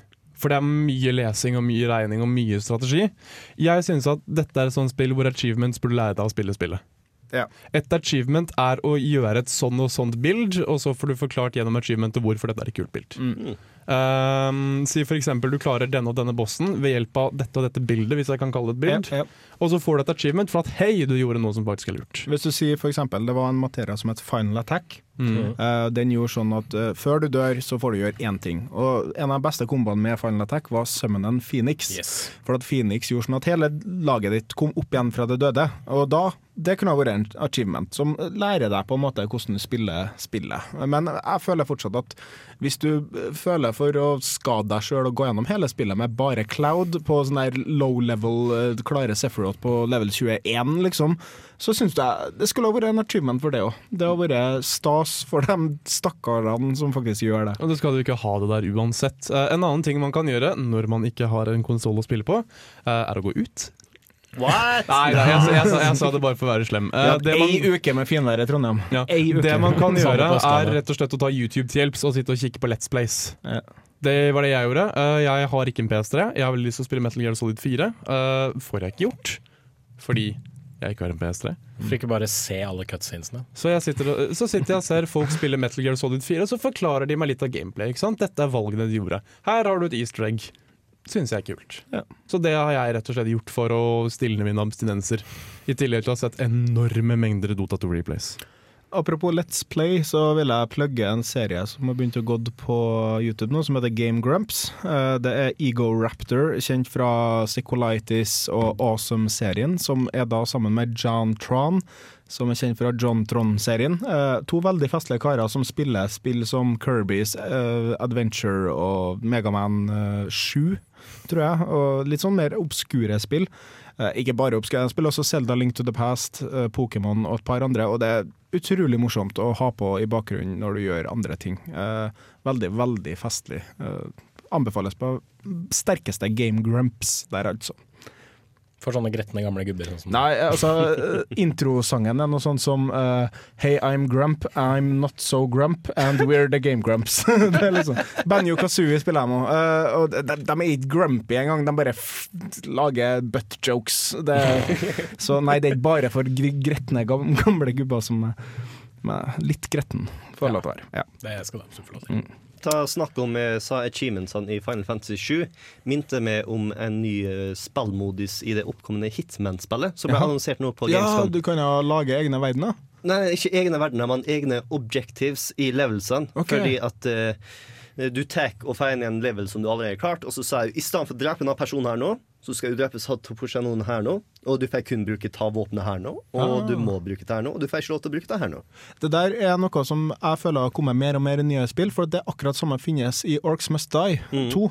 Eh, hver uke så får du en sånn weekly challenge, hvor du får bare si at du får der blunderbussen, hva heter det, børsa, Ja. eh, til hovedpersonen, og du får én trap, og du skal klare den verdenen med bare de to tingene. Den første challengen var ikke vanskelig i hele tatt, for at hele verdenen gikk ut på at du brukte akkurat den trappen, men igjen, jeg håper at de finner på litt lure ting eh, for dem som vil spille spillet videre. Jeg får litt følelse av uh, hvis noen spilte første Fable-spillet. Når, du kan gjøre- når du skal gjøre et oppdrag, så kan du velge å boaste, altså skryte. Du kan gjøre det uten klær, og du kan bare bruke magi og sånne ting. Ja, du kan, ikke, du kan ikke bruke våpen, du kan ikke bruke sånn og sånn. For eh, lengre e-penis og en utfordring og mye mer penger, rett og slett. Så jeg får litt den følelsen av det. da At Mm. sånne challenges er for deg sjæl for moro skyld. Og jeg mener på at ta er masse bedre alternativ til de kjedelige multiplayer-modusene hvor du kommer til å spille i ei uke og så går jeg lei av. Mm. For ta her nå er designa for at du skal ta og beholde CD-en din og komme tilbake til spillet. Og jeg har masse mer lyst til å komme tilbake fordi at Mikkel har tatt og klart og gått gjennom et level kun med eh, med, ja, første pistolen og drept Mm. eh, så og så mange folk på så og så kort tid, og lyst til å slå ham av det, enn Mm. å ta og skyte ham i hodet 20 ganger på multiplayer. Ja, ja. Nei, jeg husker, altså det finnes jo mange som Før i tida så måtte man sette opp uh, Før i min tid eh, så måtte man, måtte man jo sette opp egne achievements, på en måte. Jeg Mm. husker at jeg prøvde å spille gjennom Mario uten å gå tilbake. Eh, Det var ganske vanskelig. Mm. Eh, Og det, det gir en helt annen på en måte, tenkemåte når du spiller gjennom spillet. Og som jeg sa i Final Fantasy, så kan du gå gjennom hele spillet uten materia. Du kan bruke bare førstevåpenet ditt. Du, kan, altså, du setter deg sånne mål, da. Og det var det som var achievements før i tida, på en måte. Mm. Eh, Du for og så hvordan de andre hadde gjort det, og ei, det hørtes artig ut, la meg prøve det. Ja, og Metal Gear Solid var ganske flink med dette her nå, fordi at de putta det inn i, uh, i spillene sine, hvor du fikk en eh, kodenavn basert på hvordan du gjorde i spillet. Så Mm. Derfor så har jeg lyst til å gå gjennom spillet uten å drepe noen, eller uten å bli sett. Ja. Deus 6 var jo også veldig tidlig der, Mm. eh, med å gi deg en egen på en måte, ting hvis du faktisk tok og gikk gjennom hele spillet uten å drepe noen. For det gikk an. Mm. Og sånn som jeg forstår det, så kan du gjøre det i den nyere Deus Ex òg, men der må du drepe eh, sånne bosser. Som Ja, og- eh, som er egentlig bare idioti at de i hele tatt hadde med bossfights i det Ja. spillet her. Det Eh, verste var at jeg tok og fikk et annet studio til å lage disse bossfightsene. Ja. Så det var ganske tydelig at eh, du har så masse valgmuligheter utenfor bosskampene. Så kom du inn, og du er nødt til å gjøre det på én måte. Nei, du trengte ikke gjøre det engang. Du, du kan bare gå bort til kisen og bruke de jævla hva heter det, kroppsgranatene Mm. idioten har. Altså det, det virker som om det òg ble laga av Mm. eh, det studiet der, granatidiotien. Det, Mm. ah, det var ikke det Deus Ex jeg vokste opp med. Nei. Nå føler jeg meg plutselig Dere starta en sånn ting med at jeg er gammel nå. Jeg er ikke så mye eldre enn dere. Jeg er jo eldre enn de to andre her, da. Bård er yngst, han. Nei, nei, hva år er du? 90. 89. Er du det? 89. Serr? Yeah. Jeg er yngst nå igjen. 90-tallsbarn. da, Ivo! Da falt Berlinmuren. Jeg var helt sikker på at du var 91, Bård. No, no, no, no. Å, man, unnskyld. Nå føler jeg meg liten, jeg.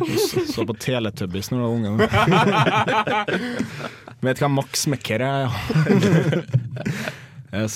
Nei, eh, utover det så spilte jeg gjennom Arkham City uh, for første gang. Uh, fordi at uh, tydeligvis så var det noe galt med Games for Windows Live-kontoen min, så jeg Mm. sava aldri, og det var jeg veldig frustrert over. Så jeg fikk spilt gjennom det, og fy faen for et bra spill. ja. Eh, Mm, skikkelig. og hvorfor vil de ikke nå lage et sånt et Spiderman-spill, X-Men-spill? Bare, Her ser vi oppskrifta på et superheltspill.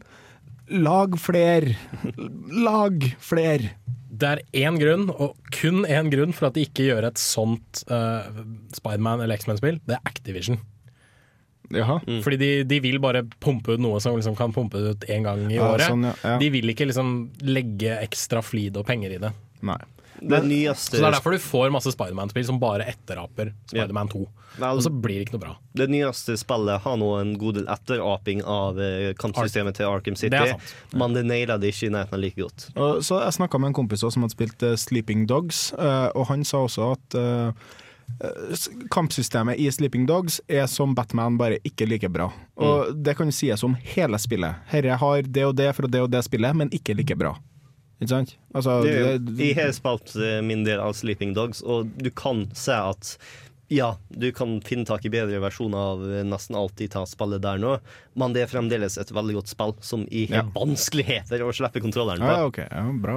Bra, bra, bra. Det virker som om veldig mye, i hvert fall etter uh, Arkham Asylum kom ut, er at det er utrolig mye fokus i kampsystemet på å lage god flyt. Mm. Uh, du Mm. kan ikke lenger liksom bare Eller i hvert fall i motsetning, altså Darksiders gjorde jo ikke det her, da, men da var det veldig sånn at da skulle du bare være en svær dude med et digert sverd på to meter, og så skulle du bare hakke løs på masse ting du hadde foran deg. Men etter Men som sagt, Arkham City, mye flyt i uh, nye Amazing Spiderman. Samme kampsystemet. Flyt, Sleeping Dogs. uh, Captain America-spillet gjorde det samme for sånn et halvannet år siden. eller noe sånt nå. Igjen fokus på flytende combat. Grunnen for at jeg har sånn fokus på flyt, er fordi at eh, Arkham Asylum først begynte som et rytmespill. Det vet jeg. Og så utvikla det seg til å bli det Batman-spillet vi kjenner i dag. Men hvis vi nå er tilbake til flyt i spill som f.eks. sånn tie-in-spill, som Captain America-spillet, for det er åpenbart et tie-in-spill, Mm. eh, er det at det er veldig lett å spille. Det føles veldig bra å Sant. kunne trykke XX firkant, XX firkant, og du får to komboer som er den samme komboen to ganger, rett etter hverandre, og det ser kult ut. Han hopper, og så snur han rundt, og så slår han i lufta eller kaster skjoldet sitt eller noe sånt.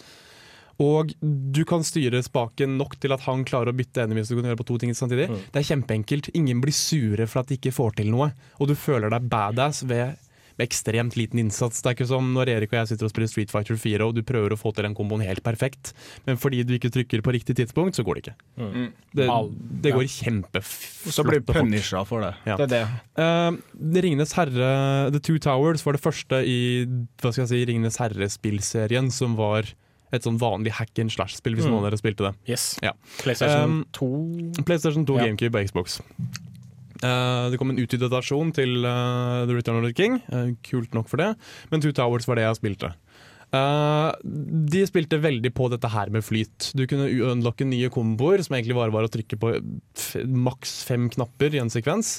Og alle, alt X runding R1, tror jeg, for da stakk du dem ned i bakken. Ja. Men igjen, eh, XX firkant eller AAB som var på GameCube, heter dette Bane of Isildur når du spiller Aragorn, og så heter det noe annet på de andre karakterene. Problemet her var at alle de karakterene hadde samme moves. Det bare het noe annet. Um, så det er klart at den flyt, hele flytgreia kan misbrukes, men jeg lot ikke merke til det før jeg plukka opp spillet to år etter å ha runda det. Det var fordi vi var såpass unge, det.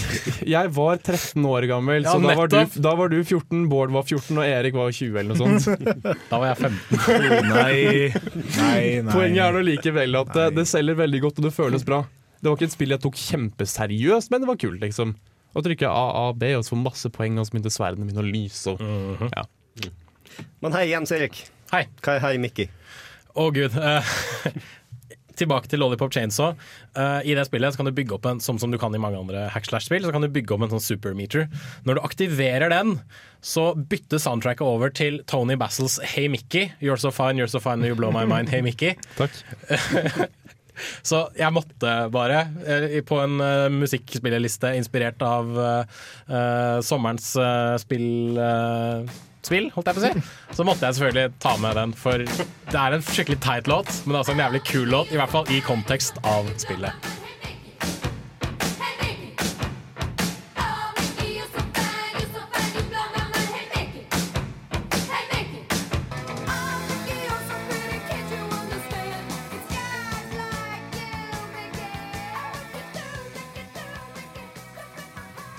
Hei, Mickey. Hei. Hei, Bård. Det tar en trivelig sang, altså. Jeg har Låt! OK! Låt! Ta en shot, alle sammen som spiller den drikkeleken. hvor Ta en shot hver eneste gang Boys sier sang istedenfor låt, fordi at på radioen så skal jeg hete låt. Fordi at hvis det er sang, så synger det bare. Det Så her, altså, er, vi- det her er bedriftshemmeligheter. Du må ikke røpe. Er Spoilers! Ja. Nå dere ser You've seen behind the whale Pay no attention to the man behind the curtain. ja. Han heter forresten Rune, og han var så hyggelig nok til å være tekniker til oss i dag. Takk, Rune. Uh, videre. Videre uh, i, løpet av, so I løpet av sommeren så har jeg tatt og hengt en god del med Sunni Islam fra uillustrert vitenskap. Og han har introdusert meg til en god del gammel PC-spill. Eh, han prøvde å få meg til å spille Dota. Yes, det den Det var sånn det gikk, der nå, jeg. ja. Eh, Jeg, jeg, jeg var ikke spesielt god på Dota. Prøv League of sånn. Legends isteden. Det er mye uh, enklere kurve. Spill med Erik og Hans og meg Nei. og Are Fjørtoft. Jeg vil ikke tape. Men det gamle PC-spillet som han fikk meg til å spille, som jeg virkelig likte, er et PC-spill som ofte har blitt nevnt i Kontroll Alt Elite, hvor jeg bare er sånn Å ja, ja. Det spillet, ja. Det er det som jeg ikke har spilt. Som er Noen som kan tippe? Som har blitt nevnt ofte. Strategispill. Yep. Civilization. Nei. Mm, Age of Empires. Nei, Nei, det har jeg spilt. Heroes 3! Yes! Ja! Jeg har spilt god del Heroes. Har du ikke spilt det før? Nei, jeg har ikke spilt det før. Det var liksom ingen eh, Heroes of Might and Magic-kultur eh, der jeg kom fra. Så Oh, det var den første LAN-kulturen min, jeg tror jeg. Jeg har sammenlagt spilt tre timer Heroes of Might Magic 3. Ja, skjemmes.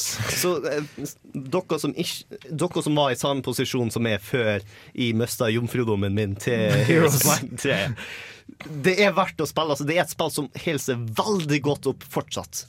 Jeg husker jeg fant uh, Mamma vant et bladabonnement på hjemme-PC da jeg var ung, og vi får, Wow. endelig fikk en PC med en CD-romstasjon. Uh, der var Heroes Might Magic 2 som en demo. Mm. Og jeg fikk lov, da lov til å spille ti minutter, tipper det. Uh, da jeg fikk min egen PC i en alder av sånn ca. 15 år, så kjøpte jeg meg Heroes Might Magic 3. rett før fireren kom ut. Uh, men jeg ville spille treeren for at The Pixels, man! Eh, Heroes of Might and Magic er grunnen til at jeg kom for seint til T-banen i tre år. Ja. Fordi ok, det er kvarter til jeg må gå, det er fem minutter til jeg må gå, det er ti minutter til jeg må gå, hva som helst. Da rekker jeg å starte et lite skirmish. Og rekker å spille Mhm. bare lite grann. Du spiller aldri lite grann. Nei. Nei. Aldri. Plutselig så er tre timer borte, så vet du. finner du et høl med halflings, og så har du plutselig en, en, hæ- en bataljon på 150 halflings som meier ned alt sammen. Og drag... Man, jeg vet hva jeg skal gjøre når jeg kommer hjem. Nei, vent, jeg har ikke noen PC.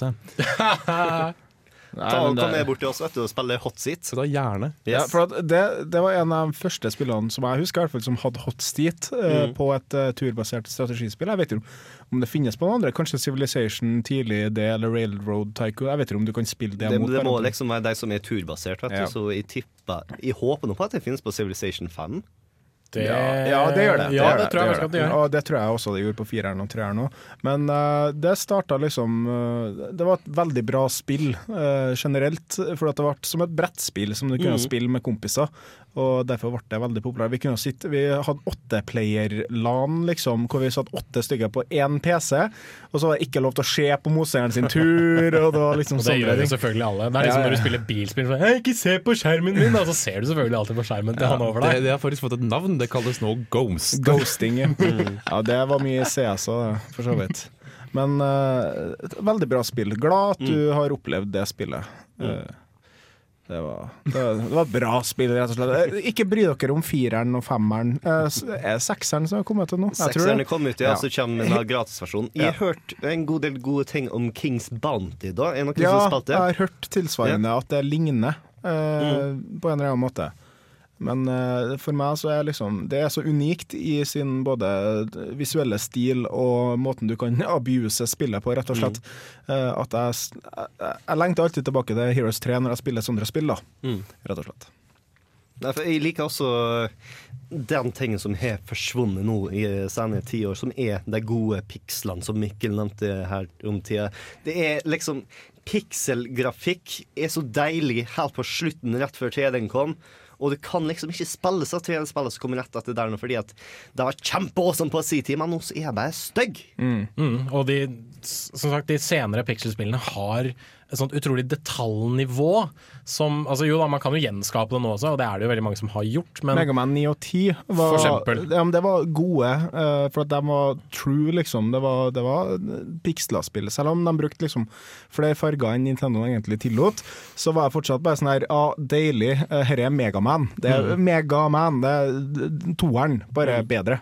Det er ikke bedre nødvendigvis, men Men det er jo egentlig bare pandering til sånne som oss, da, som Ja, bare vil liksom velte seg i nostalgien De- de- igjen. de vinner jo ikke Her er barndommen deres!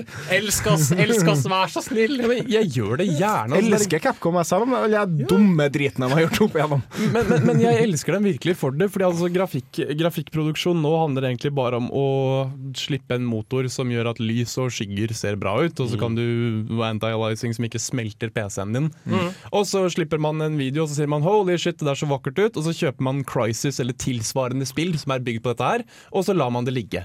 Men, men da pikslene, da pikslene herjet TV-skjermene og PC-skjermene, så, så hadde man ikke noe sånt. Det var ikke om å gjøre å sitte og skrive grafikkmotorer. Nei, du måtte bare bli flink til å tegne med bitte små, vakre firkanter. og igjen så må jeg bare name-droppe altså min favoritt når det gjelder awesome, deilige piksler, som er Final Fantasy 6. Ja, Mm. Men også uh, Chrono Trigger. Yoshi's Island.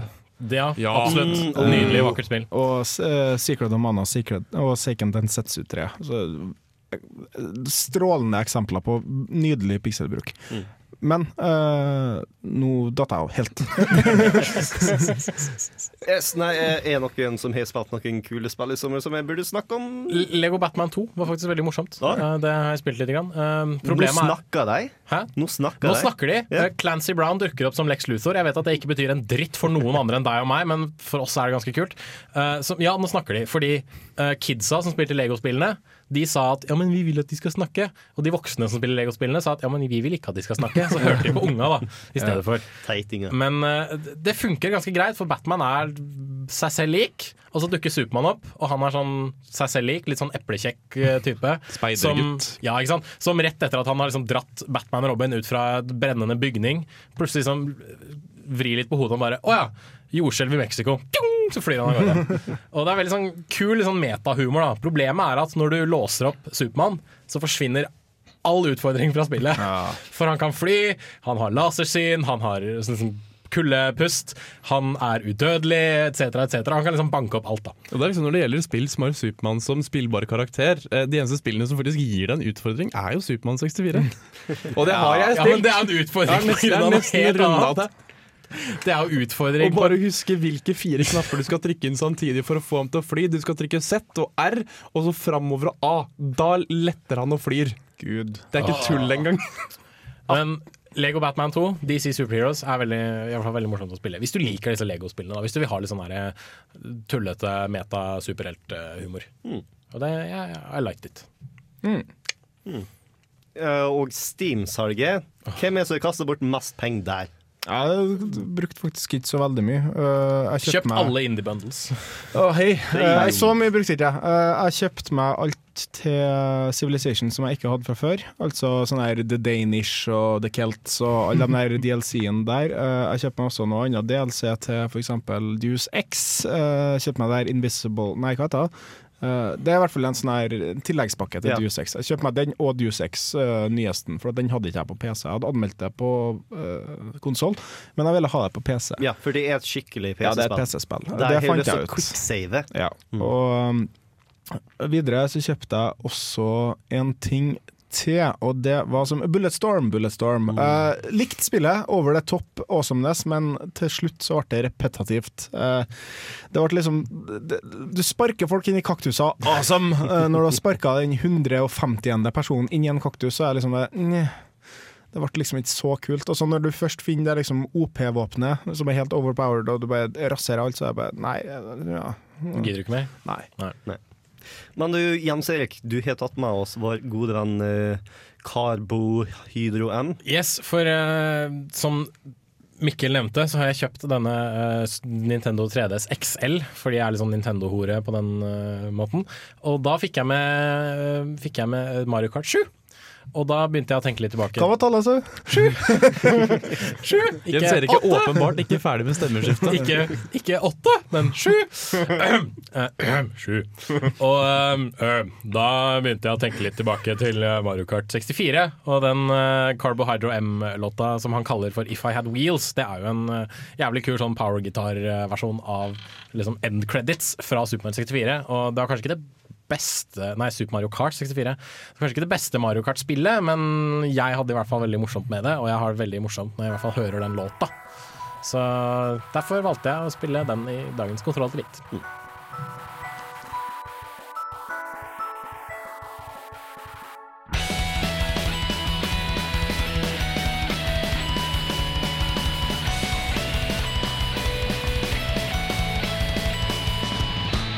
Og nå vet du, nå som du har fått det store, fine startstipendet, så skal vi ta og anbefale hva du burde ta og bruke på. For eh, det er ikke umulig at du har nå tatt og gått gjennom hele sommeren uten å ta og kjøpe noe som kom faktisk ut. Om du er som meg, så har du sannsynligvis tatt og brukt mesteparten av pengene på Steam Sale og en hel haug med backlog. Så eh, dersom du har gått glipp av noen av de fine titlene som kom ut i løpet av sommeren, til tross for at det var ganske få, så skal vi nå ta og tipse deg om det. For Mm. eksempel eh, Walking Dead har nå kommet ut med to, snart tre To episoder. episoder foreløpig. Mm. Og de burde du absolutt ta og spille. Jeg mener på at det er noen av de beste spillene jeg har spilt i år, fordi at eh, som zombiespill så er det awesome. Du, det er ikke zombiene som er viktige, det er det å ta vanskelige avgjørelser, det å ta og snakke med andre mennesker som er i utrolig dårlige situasjoner. og... eh, Grafikken er også ganske kul. Den er simplistisk, men den er basert på tegneserien som ser nice ut. Det er også et av disse spillene som virkelig klarer å gjøre dette med handling og konsekvens godt nok, og ikke minst det at selv en god handling kan ha en ganske jævlig konsekvens Yes. sånn etter hvert. da. Jeg vet at I starten av episode to så har du valget mellom å redde en fyr eller å få han til å ligge. Og egentlig begge valgene du tar, det har en jævlig konsekvens. Og sånn er det egentlig i Walking Dead, at uansett hva du gjør, så kan det hende at noen dør, eller så kan det hende at noen bare blir skada, men uansett så blir de kanskje sure på deg, eller kanskje ikke. Litt for ofte så gjorde jeg noe jeg mente var riktig, og så Og så blir det snudd tilbake på deg. Og så deg. kommer han karen som jeg trodde var kompisen min, og bare sånn Fuck you, man! You chose wrong! Mm -hmm. oh, fuck, I like you. Vi burde jo kanskje nevne uh, storselgeren i fjor, uh, Skyrim, har fått sin DLC på alle konsoller. Ja. Dawnguard. Dawnguard. Jeg har sjøl ikke spilt det, men det er sikkert en verdig investering hvis jeg kjenner Betesta riktig. Mm. Uh, sånn som jeg forstår det, så er varulver og vampyrer som er temaet, som i alt annet pop. eh, Kulturelt. for tida. Men det er visst bra DLC, og når vi er inne på DLC, så også Jeg må bare si det igjen, det er jo ikke DLC, men det kom ut i sommer. Orcs Must Die 2. Det koster 12-14 euro. Kjempebra. Bare spille. Du kommer til å like det, liksom. Mm. Og eh, Summer of har Arcade. Arcade. Jeg kom nå i løpet av sommeren, og du har spilt har du med mesteparten? Jeg har ikke eller? spilt alt, men uh, jeg har spilt Tony Hawk. Jeg har prøvd litt grann av Hybrid, som, er, Mm. denne, som er skytespillet til Fifth Cell. Folka som utvikla Scribble Notes. For det jeg Um, hørte er sånn veldig ikke-vanlig uh, Ja, det er et shooter hvor du, altså det er en cover-based shooter hvor du eh, du kan egentlig bare hoppe fra cover til cover. Du kan ikke gå fritt og løpe rundt. Så du, Hvis du har en, står ved en vegg, så ser du kanskje at det er et cover foran deg. Så kan du bare bevege deg til det, eventuelt bakover. Du går liksom langs linjer som er ferdig bestemt for deg. Og det liksom legger til et ekstra taktisk element. Um, så i hvert fall Hybrid og uh, Dust and Illusion Tale til uh, Xbox er absolutt verdt å betale penger for. Koster sånn 1200 Microsoft points per spill. Og det, det er det absolutt verdt. Og I hvert fall Dust and Elysian Tale, for det er utrolig nydelig animasjon og en kul historie. Og veldig bra hack slash brawler gameplay, Metrovania-stil. Mm. Så det anbefaler jeg. Ja, så du prøvde ikke Bracket Here, altså? Jeg har ikke Kinect, for jeg har rett og slett ikke plass. Hva, altså, det, nå tror jeg vi har vært inne på denne diskusjonen før. Eh, Det er forskjell på racketeer og racketeer, ikke sant? For det. racketeer var et sånn her det- Tale of an item shop owner, eller et eller annet sånt. Ja, sånn- det blir kalt Reseteer av noen for å liksom skille de fra hverandre. Da er du en item shop-eier i et RPG. Uh, Racketeer med W, som i wreck og ødelegge, okay. er en Angry Birds-klone Ah, ja, til. Kinect. Okay, okay. Er ikke det av de samme folk uh, Twisted Pixel? De folka som lagde Nei, Nei, det er ikke det? det er det nok ikke. Ja, OK, vel da tipper jeg feil. Men jeg har hørt at det skal være brukbar dersom du har unger, og ikke spesielt interessant ellers. Ja. Eh, jeg vil også plugge to spill til min Android. Eh, det ene er Final Fantasy 3. Du får da, jeg tror det er DS-versjonen, mer eller mindre, eh, til din eh, Android eller smarttelefon. Eh, iPhone, whatever. Eh, og veldig ryddig uh, Final Fantasy-spill som du kan ta med her, rett og slett. Selv om du kanskje må slå det opp på internett nå og da, for at på den tida så forventa jeg at du for rundt hele verdenen og snakket med den ene kissen som bor i ei hule som du faen ikke vet hvor er, Mhm. og som ingen har peka til. Hva sa faen gjør jeg nå-syndromet? Ja, ja. Og det andre spillet er Dungeon Village fra Kairosoft, som også laga Mm. Game Dev Story. Veldig ålreit spill som anbefales på det varmeste. Ja, der er du liksom eh, borgermesteren i den eh, villagen. Alle heltene i eventyrspillet kommer for å handle. Ja, og det er sånne her eh, kommer personer som heter Soud Crife og andre sånne festlige pseudonym på andre superhelter fra spill osv. Vi har jo nå vært litt inne på uh, gaming på plattformer som er veldig lett tilgjengelig, f.eks. Facebook og Android, som Erik nevner. Jeg er veldig glad for at de slipper gamle spill nå på uh, Ja. Mm. telefonene. Uh, Kronotrigger er blitt sluppet, uh, Tony Hawk's Pro Skater 2 er sluppet, Duke Nukem 3D for oss, og sånne ting da, for oss som er blitt drittlei av å sitte og spille Plans vs. Zombies. Men uh, Megaman Battle Network kommer i oktober Mm. til iPhone. Cool. Og det skal jeg ha. Ja. Altså, men, altså generelt uh, Ingen mening. jeg har en sånn liten beef med at plattformspill og sånn syns ikke jeg funker like bra. RPG-spill er perfekt, mm. uh, fordi at uh, du kan ta de tid. Uh, du kan uh, fære og vandre. I hvert fall Final Fantasy 3 har en veldig sånn her lur måte med at du får en sånn liten analogspake når du først tar på skjermen. Og den kan du begynne å bevege som du vil, og bevege karakteren din. Og det, bare, det føles naturlig, rett og slett. Mm. Men nå i slutten av sommeren så har Darksiders 2 og Sleeping Dogs tatt å komme ut. Og dersom du hører på oss i neste sending, så kommer jeg til å i hvert fall ta og anmelde Darksiders 2. Og så får vi se om vi ikke får fått til en Sleeping Dogs-anmeldelse også. Høres bra ut. Mm. Følg med på radiorevolt.no. Det kommer til å komme en konkurranse der om å vinne Darksiders 2 til neste uke. Så om du har lyst på det spillet, bare følg med. Både på radiorevolt.no og på oss eh, på Facebook-gruppa vår. Ja. Og som jeg nevnte tidligere, du kan bli med i Kontroll Alt Elite. Du kan være her og snakke og ta og bli fornærma på alderen din og alt mulig rart dersom du tar og søker på samfunnet.no. Slash opptak. Yes, Vi tar og slenger ut en fin liten link på Radio Revolt presenterer Kontroll Alt Elite på Facebook. Utover det, håper du har hatt ei eh, interessant introduksjon til vårt spillmagasin her på Radio Revolt. Vi har en haug med andre program fra alt til mat til populærvitenskap, så sjekk ut på www.radiorevolt.no. Og nå sier vi farvel med hva slags sang? Det er en eh, låt som heter så mye som Major Ninth, nei, Minor Ninth fra LA Noir, som jeg også har spilt litt grann i, i sommer. Og jeg rett og slett bare digger liksom, film noir-greia, jazz-soundtracket, så jeg måtte jo selvfølgelig da inkludere litt jazz som avslutningslåt. Da sier vi bare ha det bra. Ha det! Ha det bra!